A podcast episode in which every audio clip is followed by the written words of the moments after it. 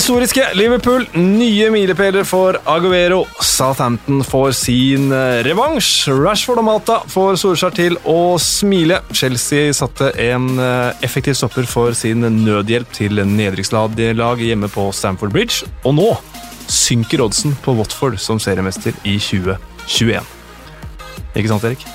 Det har jeg bidratt til, for da har jeg vært inne og satt uh, et laken. Heter det et laken? Et la, ja, ja, ja, ja. Et laken allerede.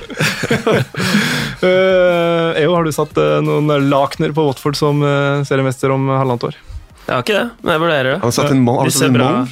Hæ? Har du satt en mong? Hva er, hva er et laken igjen? Et laken, er ikke det 1000? Ja, jeg tenker, jeg tenker En mong, vet du ikke det? Nei. Var ikke det overskridelsen på Mongstadfeltet? Var det ikke noe sånt? Det kan være. Jo, det var en sånn helt Da snakker vi mange millioner, altså. En, en banan, det er en million. En banan, ja. Ah, ja, okay. Ja, Da er du sikra for livet, hvis du setter den eh, bananen. Men det kommer til å gå inn. Nigel Pearson han eh, har fått sing på sakene, han. På Vicarage Road det, Det var vel Noel eller Liam som en gang skrev eh, 'Don't look back in anger', og Ja. det gjør ikke vi heller. Selv om vi ikke, det er lenge siden vi har vært på i studio nå, gutter. Men eh, nå er vi endelig tilbake. Ja, men ingen harde følelser. Vi forstår at dette må rulleres på, Ja. eh, og at vi av og til havner helt sist i køen. Men sist i køen, der havner definitivt ikke Liverpool. De eh, er nå historiske etter seieren på Tottenham Hotspur eh, Stadium. Jeg ga deg en liten hjemmelekse der, eh, EO. Mm. Uh, ta oss uh, Ja, deilig med lekser. Ja. Eh, Det er jeg oppdratt til å gjøre. Eh, Spørs hvor mye dere vil, eh, vil ha, men, eh, men de har i hvert fall da den høyeste poengsummen da etter eh, 21 kamper i øverste divisjon i engelsk fotball. Historie noensinne med 61 poeng, og den tidligere rekorden var da Manchester City, som hadde 59. Men, da var det poeng, to poeng for seier. Ja. Nei, det var ikke det. var i, det var i 2017-2018. Men her er det jo logaritmer som Men eh, det er jo, det er jo ganske vilt. Og de er ubeseiret i over et år i Premier League nå. Og de har tatt 85 av 87 mulige poeng siden mars 2019. Ja, og hvis du ser på The Invincibles, Arsenal-gjengen som jo uh, gikk en sesong uten å tape, men de spilte mye uavgjort, Ja. Og det gjør jo ikke Liverpool. Nei. De vinner alltid. ja. Altså, det er Bare det å ikke ha uflaks av og til, er jo nesten sykt. Altså, Mm. det, det er jo flaks og uflaks i fotball, og det å eh, bare ikke ha det Aldri! Det er jo helt sykt. Ja. Ja, så, Nei, det- så det nærmeste Det nærmeste laget Det er jo da City i den perioden, og de har tatt 68 poeng. da. Det er jo 17 færre, så de, de har jo vært helt enorme. Og man kan jo si at de har mye stang inn, det, det, har, de jo, det har de jo hatt, men, eh, men det er vanskelig å vinne fotballkamper. Og Ja. det, det gjør de eh, hele tida nå. City har jo bedre målforskjell, og det er jo ganske sykt Ja. egentlig når du tenker på den poengforskjellen. Men du får bare tre poeng for å slå Watford 8-0, altså. Ja, det er jo sånn det er. Så eh, det er jo et bevis på at Liverpool har vært et klart bedre fotballag. Når du ser hele laget under ett. Mm. Den offensive fotballen til Man- City er vanskelig å konkurrere med. Det vil si, Der er de hvassere, altså. Men Liverpool har jo et balansert lag, og de eh, har jo et forsvar som er helt sykt. Vil du si at, vil du si at angrepet til City er bedre, eh, når du ser åssen Firmino, Sala og Mané spiller nå? Ja, det jeg vil si det. Du vil si det, det? kan du Det se på jeg målforskjellen, og du kan se det på ikke minst expected goals, som ligger mye mye høyere. Og, og den måten som eh, City på sitt beste spiller angrepsball på, det er nesten for en annen klode deres. Det er, og da, snakker jeg De Bruyne og hele gjengen Ja. inni her, da. Sant? Bare måten de spilte også mot Man United i ligacupen i første Det er sånn at det er og, og Liverpool er ekstremt imponerende, men det er ikke sånn at du du, du tenker at det å vinne hver sabla kamp er jo bare helt sykt. Hvem gjør det? Men angrepsspillet, når det flyter for Man City, føler jeg er enda et hakk høyere. Men det går jo på bekostning av, av forsvarsspillet. Ja, definitivt. Helt enig. Og derfor er Liverpool og har vært, Liverpool vært et bedre fotballag. Helt klart. Og hadde de kjøpt van Dijk og i den Amazon-serien om Man City, så diskuterer de jo van Dijk. Og det er sånn Yeah, right. Så mye penger. For en midtstopper! Tuller du? Eh, og hadde de gjort det, så kanskje hadde det vært uh, Altså, forsvaret City hadde definitivt vært mye bedre. Mange- det er mange lag i verden som kan sitte sånn, da. Hadde vi bare kjøpt van Dijk. Ja. Men Liverpool er bare en syk rekke av, rekke av fantastiske avgjørelser over mange år. Altså, Du kan gå tilbake og se. Alle avgjørelsene de har tatt, omtrent, er jo fantastiske. fantastiske. Ja, det er, Ja, det, det, men du, Er du enig i det med Man City, eller? Jeg, jeg er uenig. Jeg, jeg, jeg mener at den beste, mest velfungerende fronttreeren i verden akkurat nå er eh, Firmino, eh, Mané og, og Salah. Ja, men det er på grunn av at City har jo ikke en fronttrio. De, de Nei, ikke, de angriper mer som et lag, og så Nei, går det på de bekostning av forsvarsspillet, og de derfor slipper de inn flere mål. Ja. Så, um, så jeg tror ikke du får noe mer velsmurt enn en, en de tre. Og, og jeg syns ikke de har noe Selv om du ser på målforskjellen, så vil jeg ikke si at uh, Liverpool har noe dårligere angrep av den grunn, bare fordi Manchester City skårer flere mål. Ja, hva skal kriteriet være da? Hvis det ikke handler om å skåre mål? Hva tenker du på da? De satser jo større deler av butikken, da, eh, City, så det går jo på bekostning av forsvarsspillet. Men det her, Ja, ja, men det er ikke det vi snakker om nå, vi snakker om angrepsspillet. Ja. Og Du ser at Liverpool sitt angrepsspill er bedre enn Manchester City sitt. Og det er jeg uenig med deg i. Og, og på expected goals ligger jo Man City mye, mye høyere.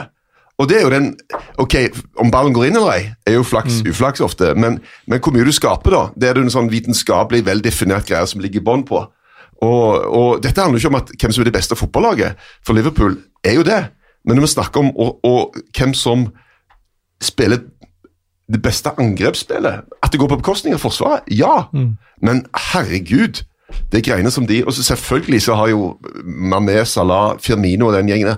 Men den geometrien og den måten som, som City eh, og du ser, som du ser på, der ligger metodikk i bånn, samtidig som det er improvisasjon, og det er tekniske ferdigheter på enkeltnivå som er bare helt sykt. Altså det, de, det er de siste par kampene her nå, det tenker jeg at hmm, Ja, har Liverpool spilt et sånt angrepsspill?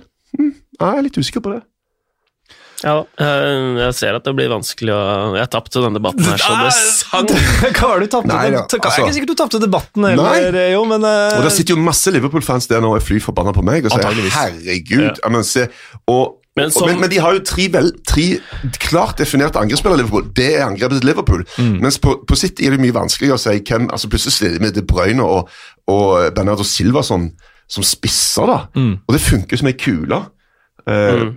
Men uh, hovedpoenget er bare at den uh, fronttrioen til Liverpool eh, fungerer eksepsjonelt bra. Ja, den, ja, og den fungerte eksepsjonelt bra nå i helga, også, hvor de eh, Det er veldig vanskelig å se hvem som skal spille hvor, men jeg bare Apropos 17, da, som var et eh, Nå er jeg jo veldig veldig dypt nede i apropos her, for det er jo fem minutter siden. Men, eh, men eh, 17 det er altså ledelsen eh, De vil ha Liverpool når de vinner mot Westham 29. Januar, hvis de vinner alle kampene. Og så er det jo når blir Liverpool seriemestere, for det er jo når, ikke om, tenker iallfall jeg. Eh, De, det er litt sånn forskjellige parametere her. For eh, hvis de vinner samtlige kamper nå, City og Liverpool, så vil uh, Liverpool da være 14 poeng, for, eller 17 poeng foran når de lagene møtes tidlig i april.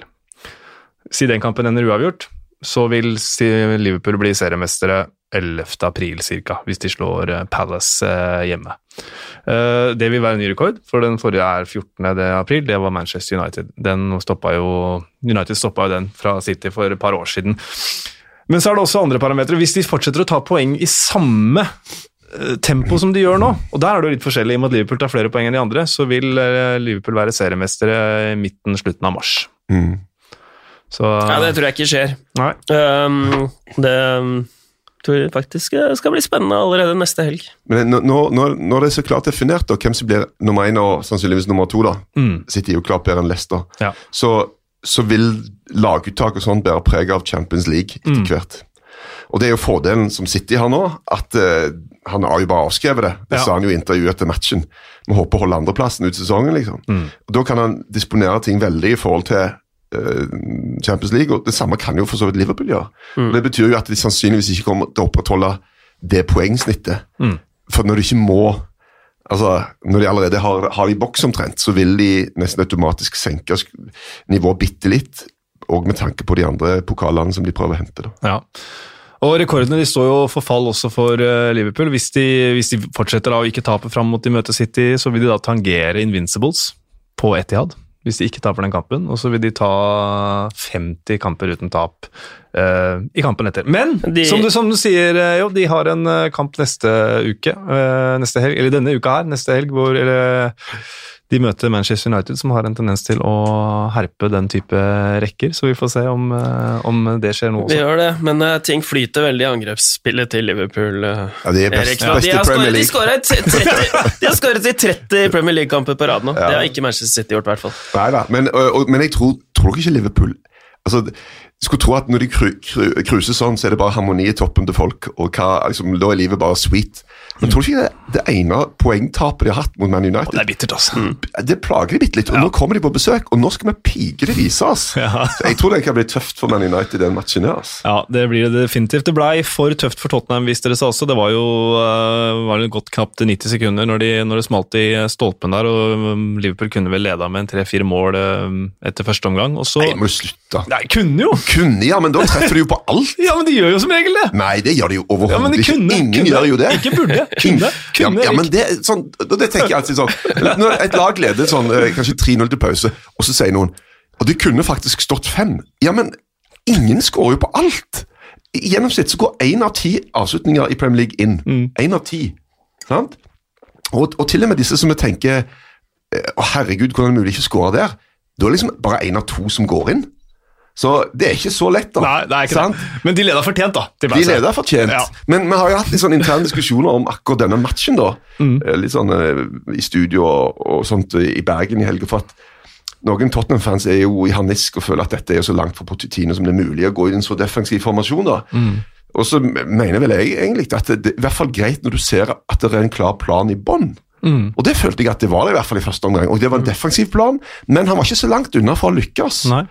Men når de slapp seg løs i andre, så viste de i tillegg da at de faktisk kunne gå litt sånn toe to toe med Liverpool. Så jeg var ikke så deppa etter den matchen så fra, fra Tottenhams synspunkt, selv om de selvfølgelig, som alle andre, tapte mot Liverpool. Da har i hvert fall Mourinho hadde rett at han sa at det her var i hvert fall en eh, kamp eh, som eh, må ha vært morsom å se på. Det var ingen som forlot sofaen når de satt og så på den her i sluttminuttene, og det, det var den beste kampen å se på, sånn eh, for en nøytral tilskuer, da, den runden her. Ja, og Mourinho var jo øh, ganske tydelig i postmatch-intervjuet hvor det her var en sånn anledning hvor man får ingenting, men hadde veldig, veldig fortjent å få noe. Uh, og hadde jo store muligheter ved Ally og, og Nei, sånn! Lo Og Lo Celso. Uh, det, var- det var bare, for meg sånn Lo Celso-sjansen det var bare så typisk Ally-avslutning, så jeg bare trodde det var han. Uh, før jeg så at det var Lo Celso. Det er jo sånn, Hvis Harry Kane hadde spilt, så hadde han jo vært akkurat der og scoret.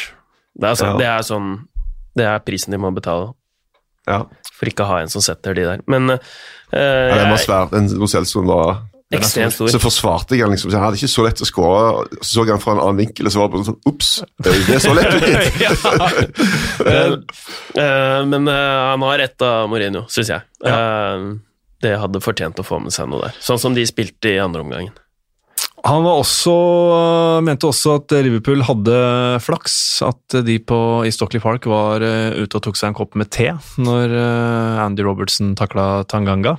Eh, det er henspeiling på det eventuelt røde kortet som, eh, som aldri kom. Tanker her, eh, gutter? Nei, det var jo en eh, forseelse, det. Jeg har sett det noen ganger. Så, men det er, det er sånne småting som eh, er lett å henge seg opp i, som jeg føler Sean Dyche henger seg mye opp i. eh, som, og innkastet i forkant av skåringen, var det vel. Altså, Mm. Det er mye sånne småting, da. Så mm, det er ikke der jeg hadde brukt energien, men eh, enig i at det var en forseelse. Bare sånn, eh, Forklare litt hvordan det foregår behind the scenes, liksom, når du er på jobb. Sånn som jeg har vært i Bergen i helga. Og så sitter Petter Myhre og meg og bare i grunnen bare feier den unna. Mm. Og da blir det da blir det bråk, altså. Ja, ja, ja. For at da, eh, Både fra mine Twitter-støy og sånt, men òg internt av at folk er totalt uenige med oss og føler at det går ikke an å feie det unna så lett. Og så kommer det en haug med stillbilder som viser akkurat hvordan han treffer med knottene. Ja. Men det tenker jeg at det, Og det var litt sånn med Aubameyang òg, når han ble utvist. Du, må se det i real time. Ja. Hvis du kjører alt i slow, eller kjører et stillbilde Mm. Det stillbildet på Aubameyang var jo helt ille. Altså, Ankelen gikk jo i et åttetall omtrent. Og, så det er greit, den kan jeg, men, men det så ikke så ille ut i real time. Nei. Aubameyang sitt. Og den med Når den skjedde med, med Andy Robinson der, så, så med en gang det var sånn, så var det sånn som skrek opp «Oi!» Men så tenkte jeg ja, hvem var det som gjorde forseelsen? Begge kom i en knallstor fart, og det bang, de føyk inn i hverandre. Og, og jeg, jeg føler rett og slett ikke det var en utvisning. For at Andy Robertson kommer først, og så sier han ja, men han fullfører. Fullfører! Se det i real time! Det er jo helt umulig. Du kan ikke trekke til deg foten der. Og han går ikke inn med knottene først, han treffer med, med selve foten, og Ja. så kommer han bitte litt opp, men det er ikke sånn at han knuser motstanderen der. Så jeg tenker at eh, og, og hvis VAR hadde ment at dette var utvisning, så hadde de jo gjort noe med det. Ja, ja. Enkelt og greit. Så, men jeg tror var ikke Jesper ute og mente at det var Jesper Mathisen, at det var utvisningen og sånt. Ja, anyway. Ja. Jesper er en eh, dommermann, så han, eh, med en gang det et eller annet, så er han ute. Og det er helt fair. Men, eh, men jeg tenker at det ikke var rødt kort. altså. Det er en, en avgjørelse som, som splitter folket. Jeg har hørt både, både du sier det du sier nå, Erik, og også pundits i England også er veldig delte på det, men mange faller faktisk ned på at det var en riktig avgjørelse å ikke vise ut eh, Andy Robertson eh, der. Hallgeir spør på Twitter kan dere diskutere hvordan Jordan Henderson har vært eh, så langt denne sesongen. Syns han får for lite skryt for sin innsats. Forsøkt kastet ut i bytte med Clint Dempsey i 2012. Nå leder han tidenes beste lag. Muligens ligaens nest beste sentrale midtbanespiller etter De Brøne.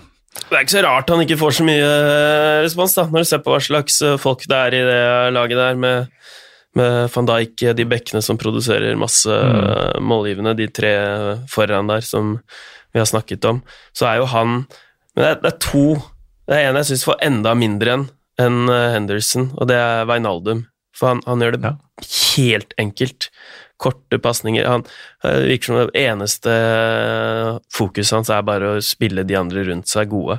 Um, Så, de, um, de Det er jo en kjempeviktig jobb, selvfølgelig. Mm. Altså, det er jo ikke sånn, Alle kan jo ikke drible. Det er jo bare Mm. uh, Det er jo folk i Barcelona som løper for Messi, og har gjort det i mange år for at han skal gjøre greia si. Og det er Messi som får overskriftene, så det er jo lagspill. Det er jo sånn det handler om. Noen får overskrifter, andre gjør det ikke. Men, men eh, hvis også da ta med Veinaldum, som får for lite eh, creds, da. Men det har vært veldig lenge så var det Firmino som ikke fikk nok Ja. cred. Alle lag må ha en eller flere som ikke får nok cred. Nærmer oss Joe Gomez nå. Ja, ja. Ja. sant. Ja, Men, han men, vi om, ja, men vi snakker om balansert lag, da. Ja. Og så kan du si at ja, dritbra i angrep, dritbra i forsvar, ikke minst med bekkene og van Dijk og alt det der, men du må jo ha noen der som, som skaper den balansen, da. Sant? Og der er jo den gjengen vi snakker om her. Mm. Som, eh, og han, eh, han hang jo og dingla, og han, han kom fra Sunderland, så var det jo mange som stønna i flere sesonger over Jordan Henderson. Og jeg var òg en skeptiker, men så var det bare én liten situasjon som bare fikk meg til å elske den mannen. Og Det var at han i en kamp mot Everton, eh, som jo alltid er ganske tøft, så ble han totalt grisetakla av Ross Barkley. Og det var så stygt. Altså, det var, det var ikke bra, det var ikke en, en takling, det var et overfall. Og det var virkelig, virkelig stygt. Og så intervjuet han match. Bare feier han unna. Ingen problem. Ross Barkley, good guy. It was an accident. Og han, altså, kjørte den linja da, så tenkte jeg dæven, ass. Det var imponerende. Og så var det en som sa til meg etterpå ja, men de er naboer.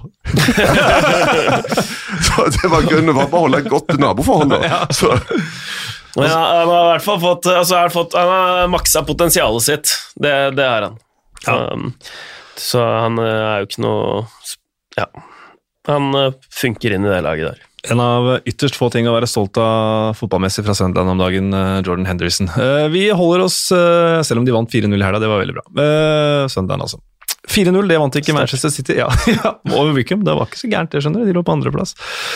Manchester City og Sergio Aguero de eh, maltrakterte Aston Villa eh, på Villa Park. Nå har eh, Sergio Aguero ingen eh, foran seg av eh, spillere som ikke har britisk pass på toppskårerlistene i eh, Premier League er han, og jeg vil tro da også engelsk fotball gjennom historien. Det er ikke helt 100% sikkert der, men det var vel ikke så mange fra andre nasjoner før det må Premier League. være Kan det ha vært en, en ire, kanskje, hvis du regner det. Ja, det kan det være. Eh, men uansett så har han nå altså 177 Premier League-mål på 255 eh, kamper. Han har flere hat trick enn Alan Shearer. Eh, en enorm prestasjon, rett og slett. Ja, det er sånn, er det sånn vanskelig når du skal hylle sånne spillere. for liksom, Hva skal du si? Alt er sagt. altså, det er ikke liksom Det er bare til å lene seg tilbake og, og beundre, da. Mm. Uh, og Jeg husker det som førstelomming når han kom til engelsk eh, fotball. Det var ikke så mye kanskje målskåringsgreier, det var det der lave tyngdepunktet. Det der, han har jo litt sånn rar beinføring. Han ser jo litt sånn hjulbeint ut. og veldig sånn, Men han har denne snurregreia. Han, og enorm til å finne de der små rommene og blir aldri mett. da. Ja. Og Det det er bare måten han, altså det med hat trick tror jeg betyr noe for han, altså. Han ble jo så glad. Ja. Og du så på denne Amazon-dokumentaren, så har han disse matchballene stilt ut hjemme. da. Alle, alle tolv nå, da. Så Nei, det Det var morsomt å følge dere i studio. Når Petter spurte om, om han, du trodde han pumpet opp eh, ballene også. Men, eh, men han uh, Guardiola fikk spørsmål, han var nummer én. Da sa han at Messi var nummer én, to, tre, fire, fem, seks, sju, åtte, ni, ti, ja, ja. elleve. og- Men bak der så var Aguero en av de beste, da. Ja. Men et av de feteste øyeblikkene med Aguero i den kampen her, er faktisk når uh, El Ghazi skårer uh, reduseringa på overtid. Da er Aguero altså så misfornøyd. Det 1-6. Nei! Så Ja, ja. Han er så fortvila over å miste den uh, clean sheeten, så han tenker kanskje på, på laget sitt også, Aguero. Han Han det barne, altså, Kiden til Aguero må vi holde hjemme. Altså. ja. Ja, Han er ja, Bane, til Maradona. Ja. Han er tre Han, er, øh, han, øh, han, begynte, han, begynte å trene sønnen sin øh, veldig veldig tidlig, der Aguero. Ja. Den nye Aguero med det lave tyngdepunktet er jo Lautoro jeg tar med Martinez ja. i Inter. Er du ikke enig i det? Jo, det Digresjon. stiller, jeg meg bak. En nydelig digresjon. eh, Så jeg hørte Michael Richards fortelle at han var jo i City når Aguero kom, og så tenkte jeg at han kom for masse penger, og ok, det der var jo ikke så mye. Men så på trening, hva var dette her for noe? Så begynte de å spille kamper, da. så det var gjort. Og det var faktisk Michael Richards som slo den første målgivende pasningen til Aguero. Så hadde det ikke Ah, vært for Richards, så hadde Aguero aldri kommet i gang. Det er jo, det er, jo derfor han blir, øh, er så god òg, for han blir rasende når de slipper inn den Ja, ja. der øh, reduseringen. Det er jo de som blir, øh, blir, blir bra. Det er jo sånn derre Karim Aoudia, hvis du husker han, bøttet inn Ja, mål de ja. andre Det var kjempe, kjempetalent. Han hadde jo den evnen at uansett hva slags avslutningsøvelser man hadde, så var han alltid den som sto først i køen til å avslutte. Selv om det var sånn tre-fire poster, og det var ny øvelse og vi ikke visste hvor vi skulle avslutte, så er det alltid Karim som sto først. da. Så det er den egenskapen der. da man elsker å skåre mål på treninger og hate å slippe den. Jeg fikk et eh, innspill fra Twitter her, en som kaller seg for eh, Early Grey. Mitt spørsmål og innspill er at dere ikke nevner Villa-matchen. Eh, dere kan skryte av eh, Manchester City og Aguero, bare ikke nevn motstanderen. Takk. Og så er det med en gif av en struts som stikker hodet i sanda, så han her holder jo med Sevilla. Ja, ja. For det er Nå, nei, Struts Jeg tenker på Nigel Pearson. Jeg. Ja, det Han hadde ja, jo en sånn Han kalte en eh, journalist for en ostrich. ordentlig radbrekking. Ja, ja.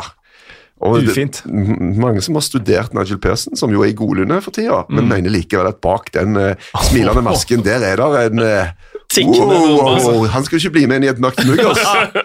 På ingen måte. Vi kommer, kommer tilbake til han behørig etterpå. Jeg har bare lyst til å ta med Dean Smith her, som eh, i det første han, noe av det første jeg hører han sier i postmatch-intervjuet, at ja, ja, det var jo så det var det der, men når angrep de tre som skårer måla deres, koster mer enn hele stallen vår, så blir det trøbbel. Eh, Det måtte jeg undersøke, for det gjør det ikke. Nei. Uh, Aguera kosta vel litt over 30 millioner pund, det samme Jesus med MCL add-ons, Mares 60. Og så er det litt varierende rapporter, men Villa handla vel for godt over 120 millioner pund i sommer, bare. Nå holder de drift, kanskje, eller? Ja, det, Hvis du tar med drift og alle de der, men det er jo ikke Og, det og hva har det vært nå? Altså, Aguero er sannsynlig, er, selv om han er blitt gammel, så har han sikkert sannsynlig vært mer nå enn de var da vi kjøpte han. Ja, ja, ja. Det, Så- det er han. Men, Ja. men allikevel, det er nok, det er nok overgangssummene Dean Smith eh, peker på her, så Mm. den unnskyldninga der, den, eh, den er litt uh, syltynn. Skriv et brev til, til Dean Smith. Tenkte jeg skulle la være, ja.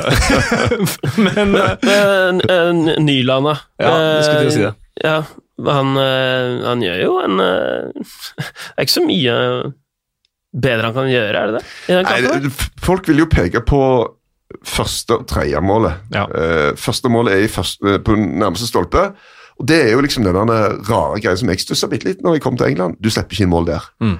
Og I korthjørnet? i korthjørnet.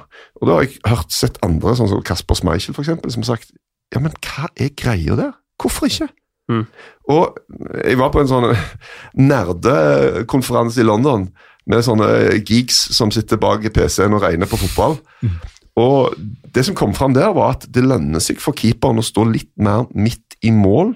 Det har blitt en sånn det er, så, det er så kulturelt dårlig å slippe inn i korthjørnet at de overkompenserer. Ja. Derfor er det for lett å skåre i langhjørnet. Så Nyland er bare forut for sin tid. at han åpner Og så så vi enormt nøye på mål nummer tre. Den er borti tåa til Tyrone Minks. Og det er så bitte lite det er snakk om, men det er ofte nok, da. Når den mid-air treffer tåa til en, eh, en medspiller, og får en bitte liten dreining eh, på buen, så er det nok til at han går inn.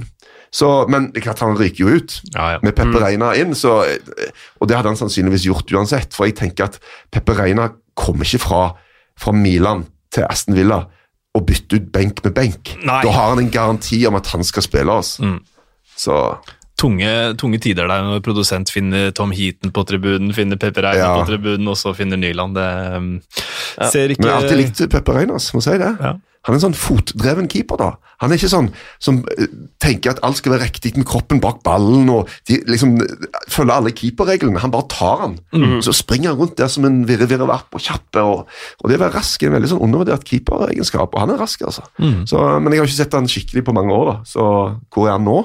Det får vi se. Og Aston Villa trenger han, fordi Ja. Der har keeperen mye å gjøre. Altså.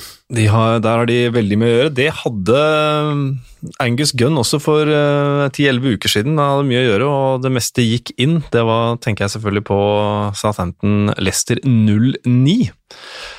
Så spør Anders, Anders Garrick Webb nå etter denne helgen her. Hvem vinner neste ballen i år? Messi, van Dijk eller Danny Ings? Ja. ja, det Det er jo ikke Danny Ings, i hvert fall. Nei, det Men, gjør det ikke. Uh, Husker du han Jay Shay Adams? Ja. Shay Adams var den nye dyrespissen fra Birmingham som de kjøpte inn, og som starta sesongen på topp. Og han var ikke så verst på den måten at han kom til en del sjanser, men han bomma på alle. Men da satt det en ing som så på. Mye, i hvert fall. Og så eh, kan du bare gå på toppskårerlista og se hvor han er henne nå. Altså. Det er eh, 14 Premier League-mål har Danny Ings nå. Eh, og han kunne hatt uh, Ja. Hadde målet vært større, Ja. så kunne han hatt hat trick nå på Og Kasper Schmeichel litt dårligere! Ja. Så kunne han Men han hadde jo to i tverrliggeren. Ja, to i nå, ja. Og, da- og da hadde Southampton altså ti avslutninger på mål på bortebane mot Leicester. Det er mye, altså. Mm. Ja. Det er sjelden du har. Og i tillegg til to i tverrligger, da. For det regnes jo ikke i den uh, greia der. Så da kunne de, de kunne fort ha skåra ni, da, på King, King Paris Elm, så hadde det blitt eh, 9-9 sammenlagt, men uh... Så, så løper han enormt, da. Ja. Uh, Det er jo sånn, litt sånn grismann over han eh, om dagen, eh, vil jeg si. Han jobber knallhardt i, uh, i presset og, og, og alt, så han skal ha mye av æren for, for eh, at eh, Southampton var så bra i den kampen. Men, men det, skal, altså, det, må- det er noen andre som skal ære her, og det er Hasenhytte. Mm. Vet du hva? Det å greie å snu en sånn greie, det er så sykt bra gjort. Og så skal styret til Southampton og ha masse skryt. Ja. altså. For det er så lett å bare si at eh, nok er nok, dette går ikke. Og så gir du folk en sjanse til å faktisk greie å snu det, når du står så hjemme, og det blir latterliggjort. 9-0 på hjemmebane. Det, det er aldri noe hjemmelag i engelsk fotballhistorie som har tapt med lignende siffer. Og så, og så greier de å snu det. Det er bare så sykt imponerende. Og det kan du si at ok, Nigel Pearson har gjort underverk i Watford, men det har pigede Hasenhutl òg gjort i Southampton. Altså. Regna sideveis der òg. De skoene der eh, husker jeg satt og tenkte de er glad jeg ikke er i. Mm. Så Men en enorm snuoperasjon, og har jo da etter den, de ni baklengsene, så har de jo 14 baklengs i Premier League på de, de neste, neste, neste 12 kampene. Ja. Eh, og har altså nå i tur og orden slått Chelsea, Tottenham og Leicester. Det er eh, rett og slett mektig imponerende, det, den snuoperasjonen de har gjort i Southampton. For Leicester sin del så eh, mangler jo de Ndidi. Det kan ha vært kroken på døra for eh, eventuell andreplass for dem, det. Ja, eh, og jeg tenker at de er langt bak City og Liverpool. Nå vet Ja. jeg at City har hatt et uh, trøblete år, og sånne ting, men, uh, men de er mye bedre enn Leicester. altså. Mm. Og Det så du òg når de spilte mot hverandre. Ja. Og jeg tenkte jo at de to kampene som de hadde på rappen mot City og Liverpool, det kom til å gi mentale, mentale arr Mm. hos Leicester, for da var de rundspilt altså. Ja. Og de ga jo opp i begge kampene. Mm. Men det han gjorde i kampen etter det, da heiv han ut på kidsa, for da var det midt i uh, juleprogrammet. Så Da spilte han med et veldig redusert lag i kampen etter det, og vant. Ja. Og Det var kanskje ganske lurt gjort, egentlig, men så har det jo gått tregere etter det igjen. Mm, det har det. Uh, nå er Tilemanns på benken denne gangen her også, så, så, det er litt sånn sprekker i Leicester, men altså for en sesong de har hatt, uh, hatt uansett. Uh, ligger fortsatt på en tredjeplass og med ganske god margin og klaring ned til Manchester United. Så. De greier topp fire, tror jeg, Ja. for de andre de konkurrerer jo om å hive vekk poeng, Ja. de òg. Så Og der har eh, Manchester United vært veldig gode på å hive bort eh, poeng, men eh, på lørdag nå så møtte de et lag som verken klarte å angripe eller forsvare seg, og da ble det 4-0 på Old Trafford for, for Rashford og United. ja, det var akkurat det som de og Ole Gunnar trengte etter det der greiene mot City. Så det er jo litt sånn, det er nesten litt sånn utmattende å sitte og se på, for det blir liksom Det, liksom, det ligger og vaker et sted midt imellom hele veien. Mm. Et steg fram, to tilbake, to Mm. fram, ett tilbake. Altså, sånn holder en på, da. Og hele veien spekulasjoner. Og eh, Vel- ja. Føles som de gjør akkurat nok eh, til at de liksom holder det her eh, prosjektet gående, og at det er en viss optimisme rundt det. Husker jeg snakka med deg, eh, Espen, før du kommenterte jo kampen, Mm. at eh, det blir vel seier i dag, fordi de gjør liksom Man kan nesten forutsi når de kommer til å vinne, og når de kommer til å ikke, ikke gjør det, da. Så sa du ja, de vinner vel 3-0. Ja, ja, ja. Så vant de 4-0, da. Men uh, Kunne ikke forutse at de skulle slå City borte. Den så jeg ikke komme. Det, det kunne man nesten eh, spekulere i. Men uh, greit. Uh, Du så den. Jeg, jeg, men- tipp- jeg satte litt kroner på det, faktisk. Tuller du? Nei. Wow. Men nå har jo du en forbindelse jo- til andre folk enn det vi har, så det er greit. Det var, eh, jeg det på- var veldig moderate summer, og det var veldig god odds, så Ja. for moro skyld. Ja. Men, um, Men, Gi eh, noen andre tips hvis du får fornemmelser. Ja, skal gjøre det. Kan ikke bare Må dele med deg. Ja. ja, man skal dele, man må det. Men eh, Rashford må man jo kanskje Ja, ja, er første takke hans takke, for eh, mye, da. Jeg, må, ja, jeg takker. Rashford for ekstremt mye i den kampen, her, for han sto for mye underholdning altså den første gangen. Masse tekniske, eh, briljante detaljer, og jeg syns han gjorde lagkompisene sine veldig gode Mm. hele veien også. Uh, stor, stor omgang av han. Det var 200 matchen hans, Mm. så det bare Giggs og Best som har kommet til den milepælen i yngre alder. Og så hjelper det å ha Mata der i stedet for eh, Lingard, i hvert fall i sånne typer kamper. Og Matic og de, de, er, de er gode gutter, vet du. De må, de må Men- spille. Men det er nok litt sånn som du sier, i den type kamper. da. Mm. Altså, Mata er jo Men eh, Han forsvinner jo når det blir virkelig tøft. da.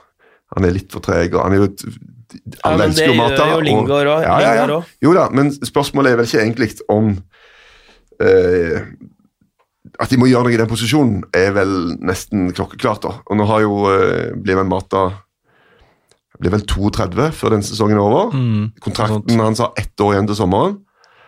Og da tenker jeg det er greit å ta et par sesonger i spansk fotball på slutten.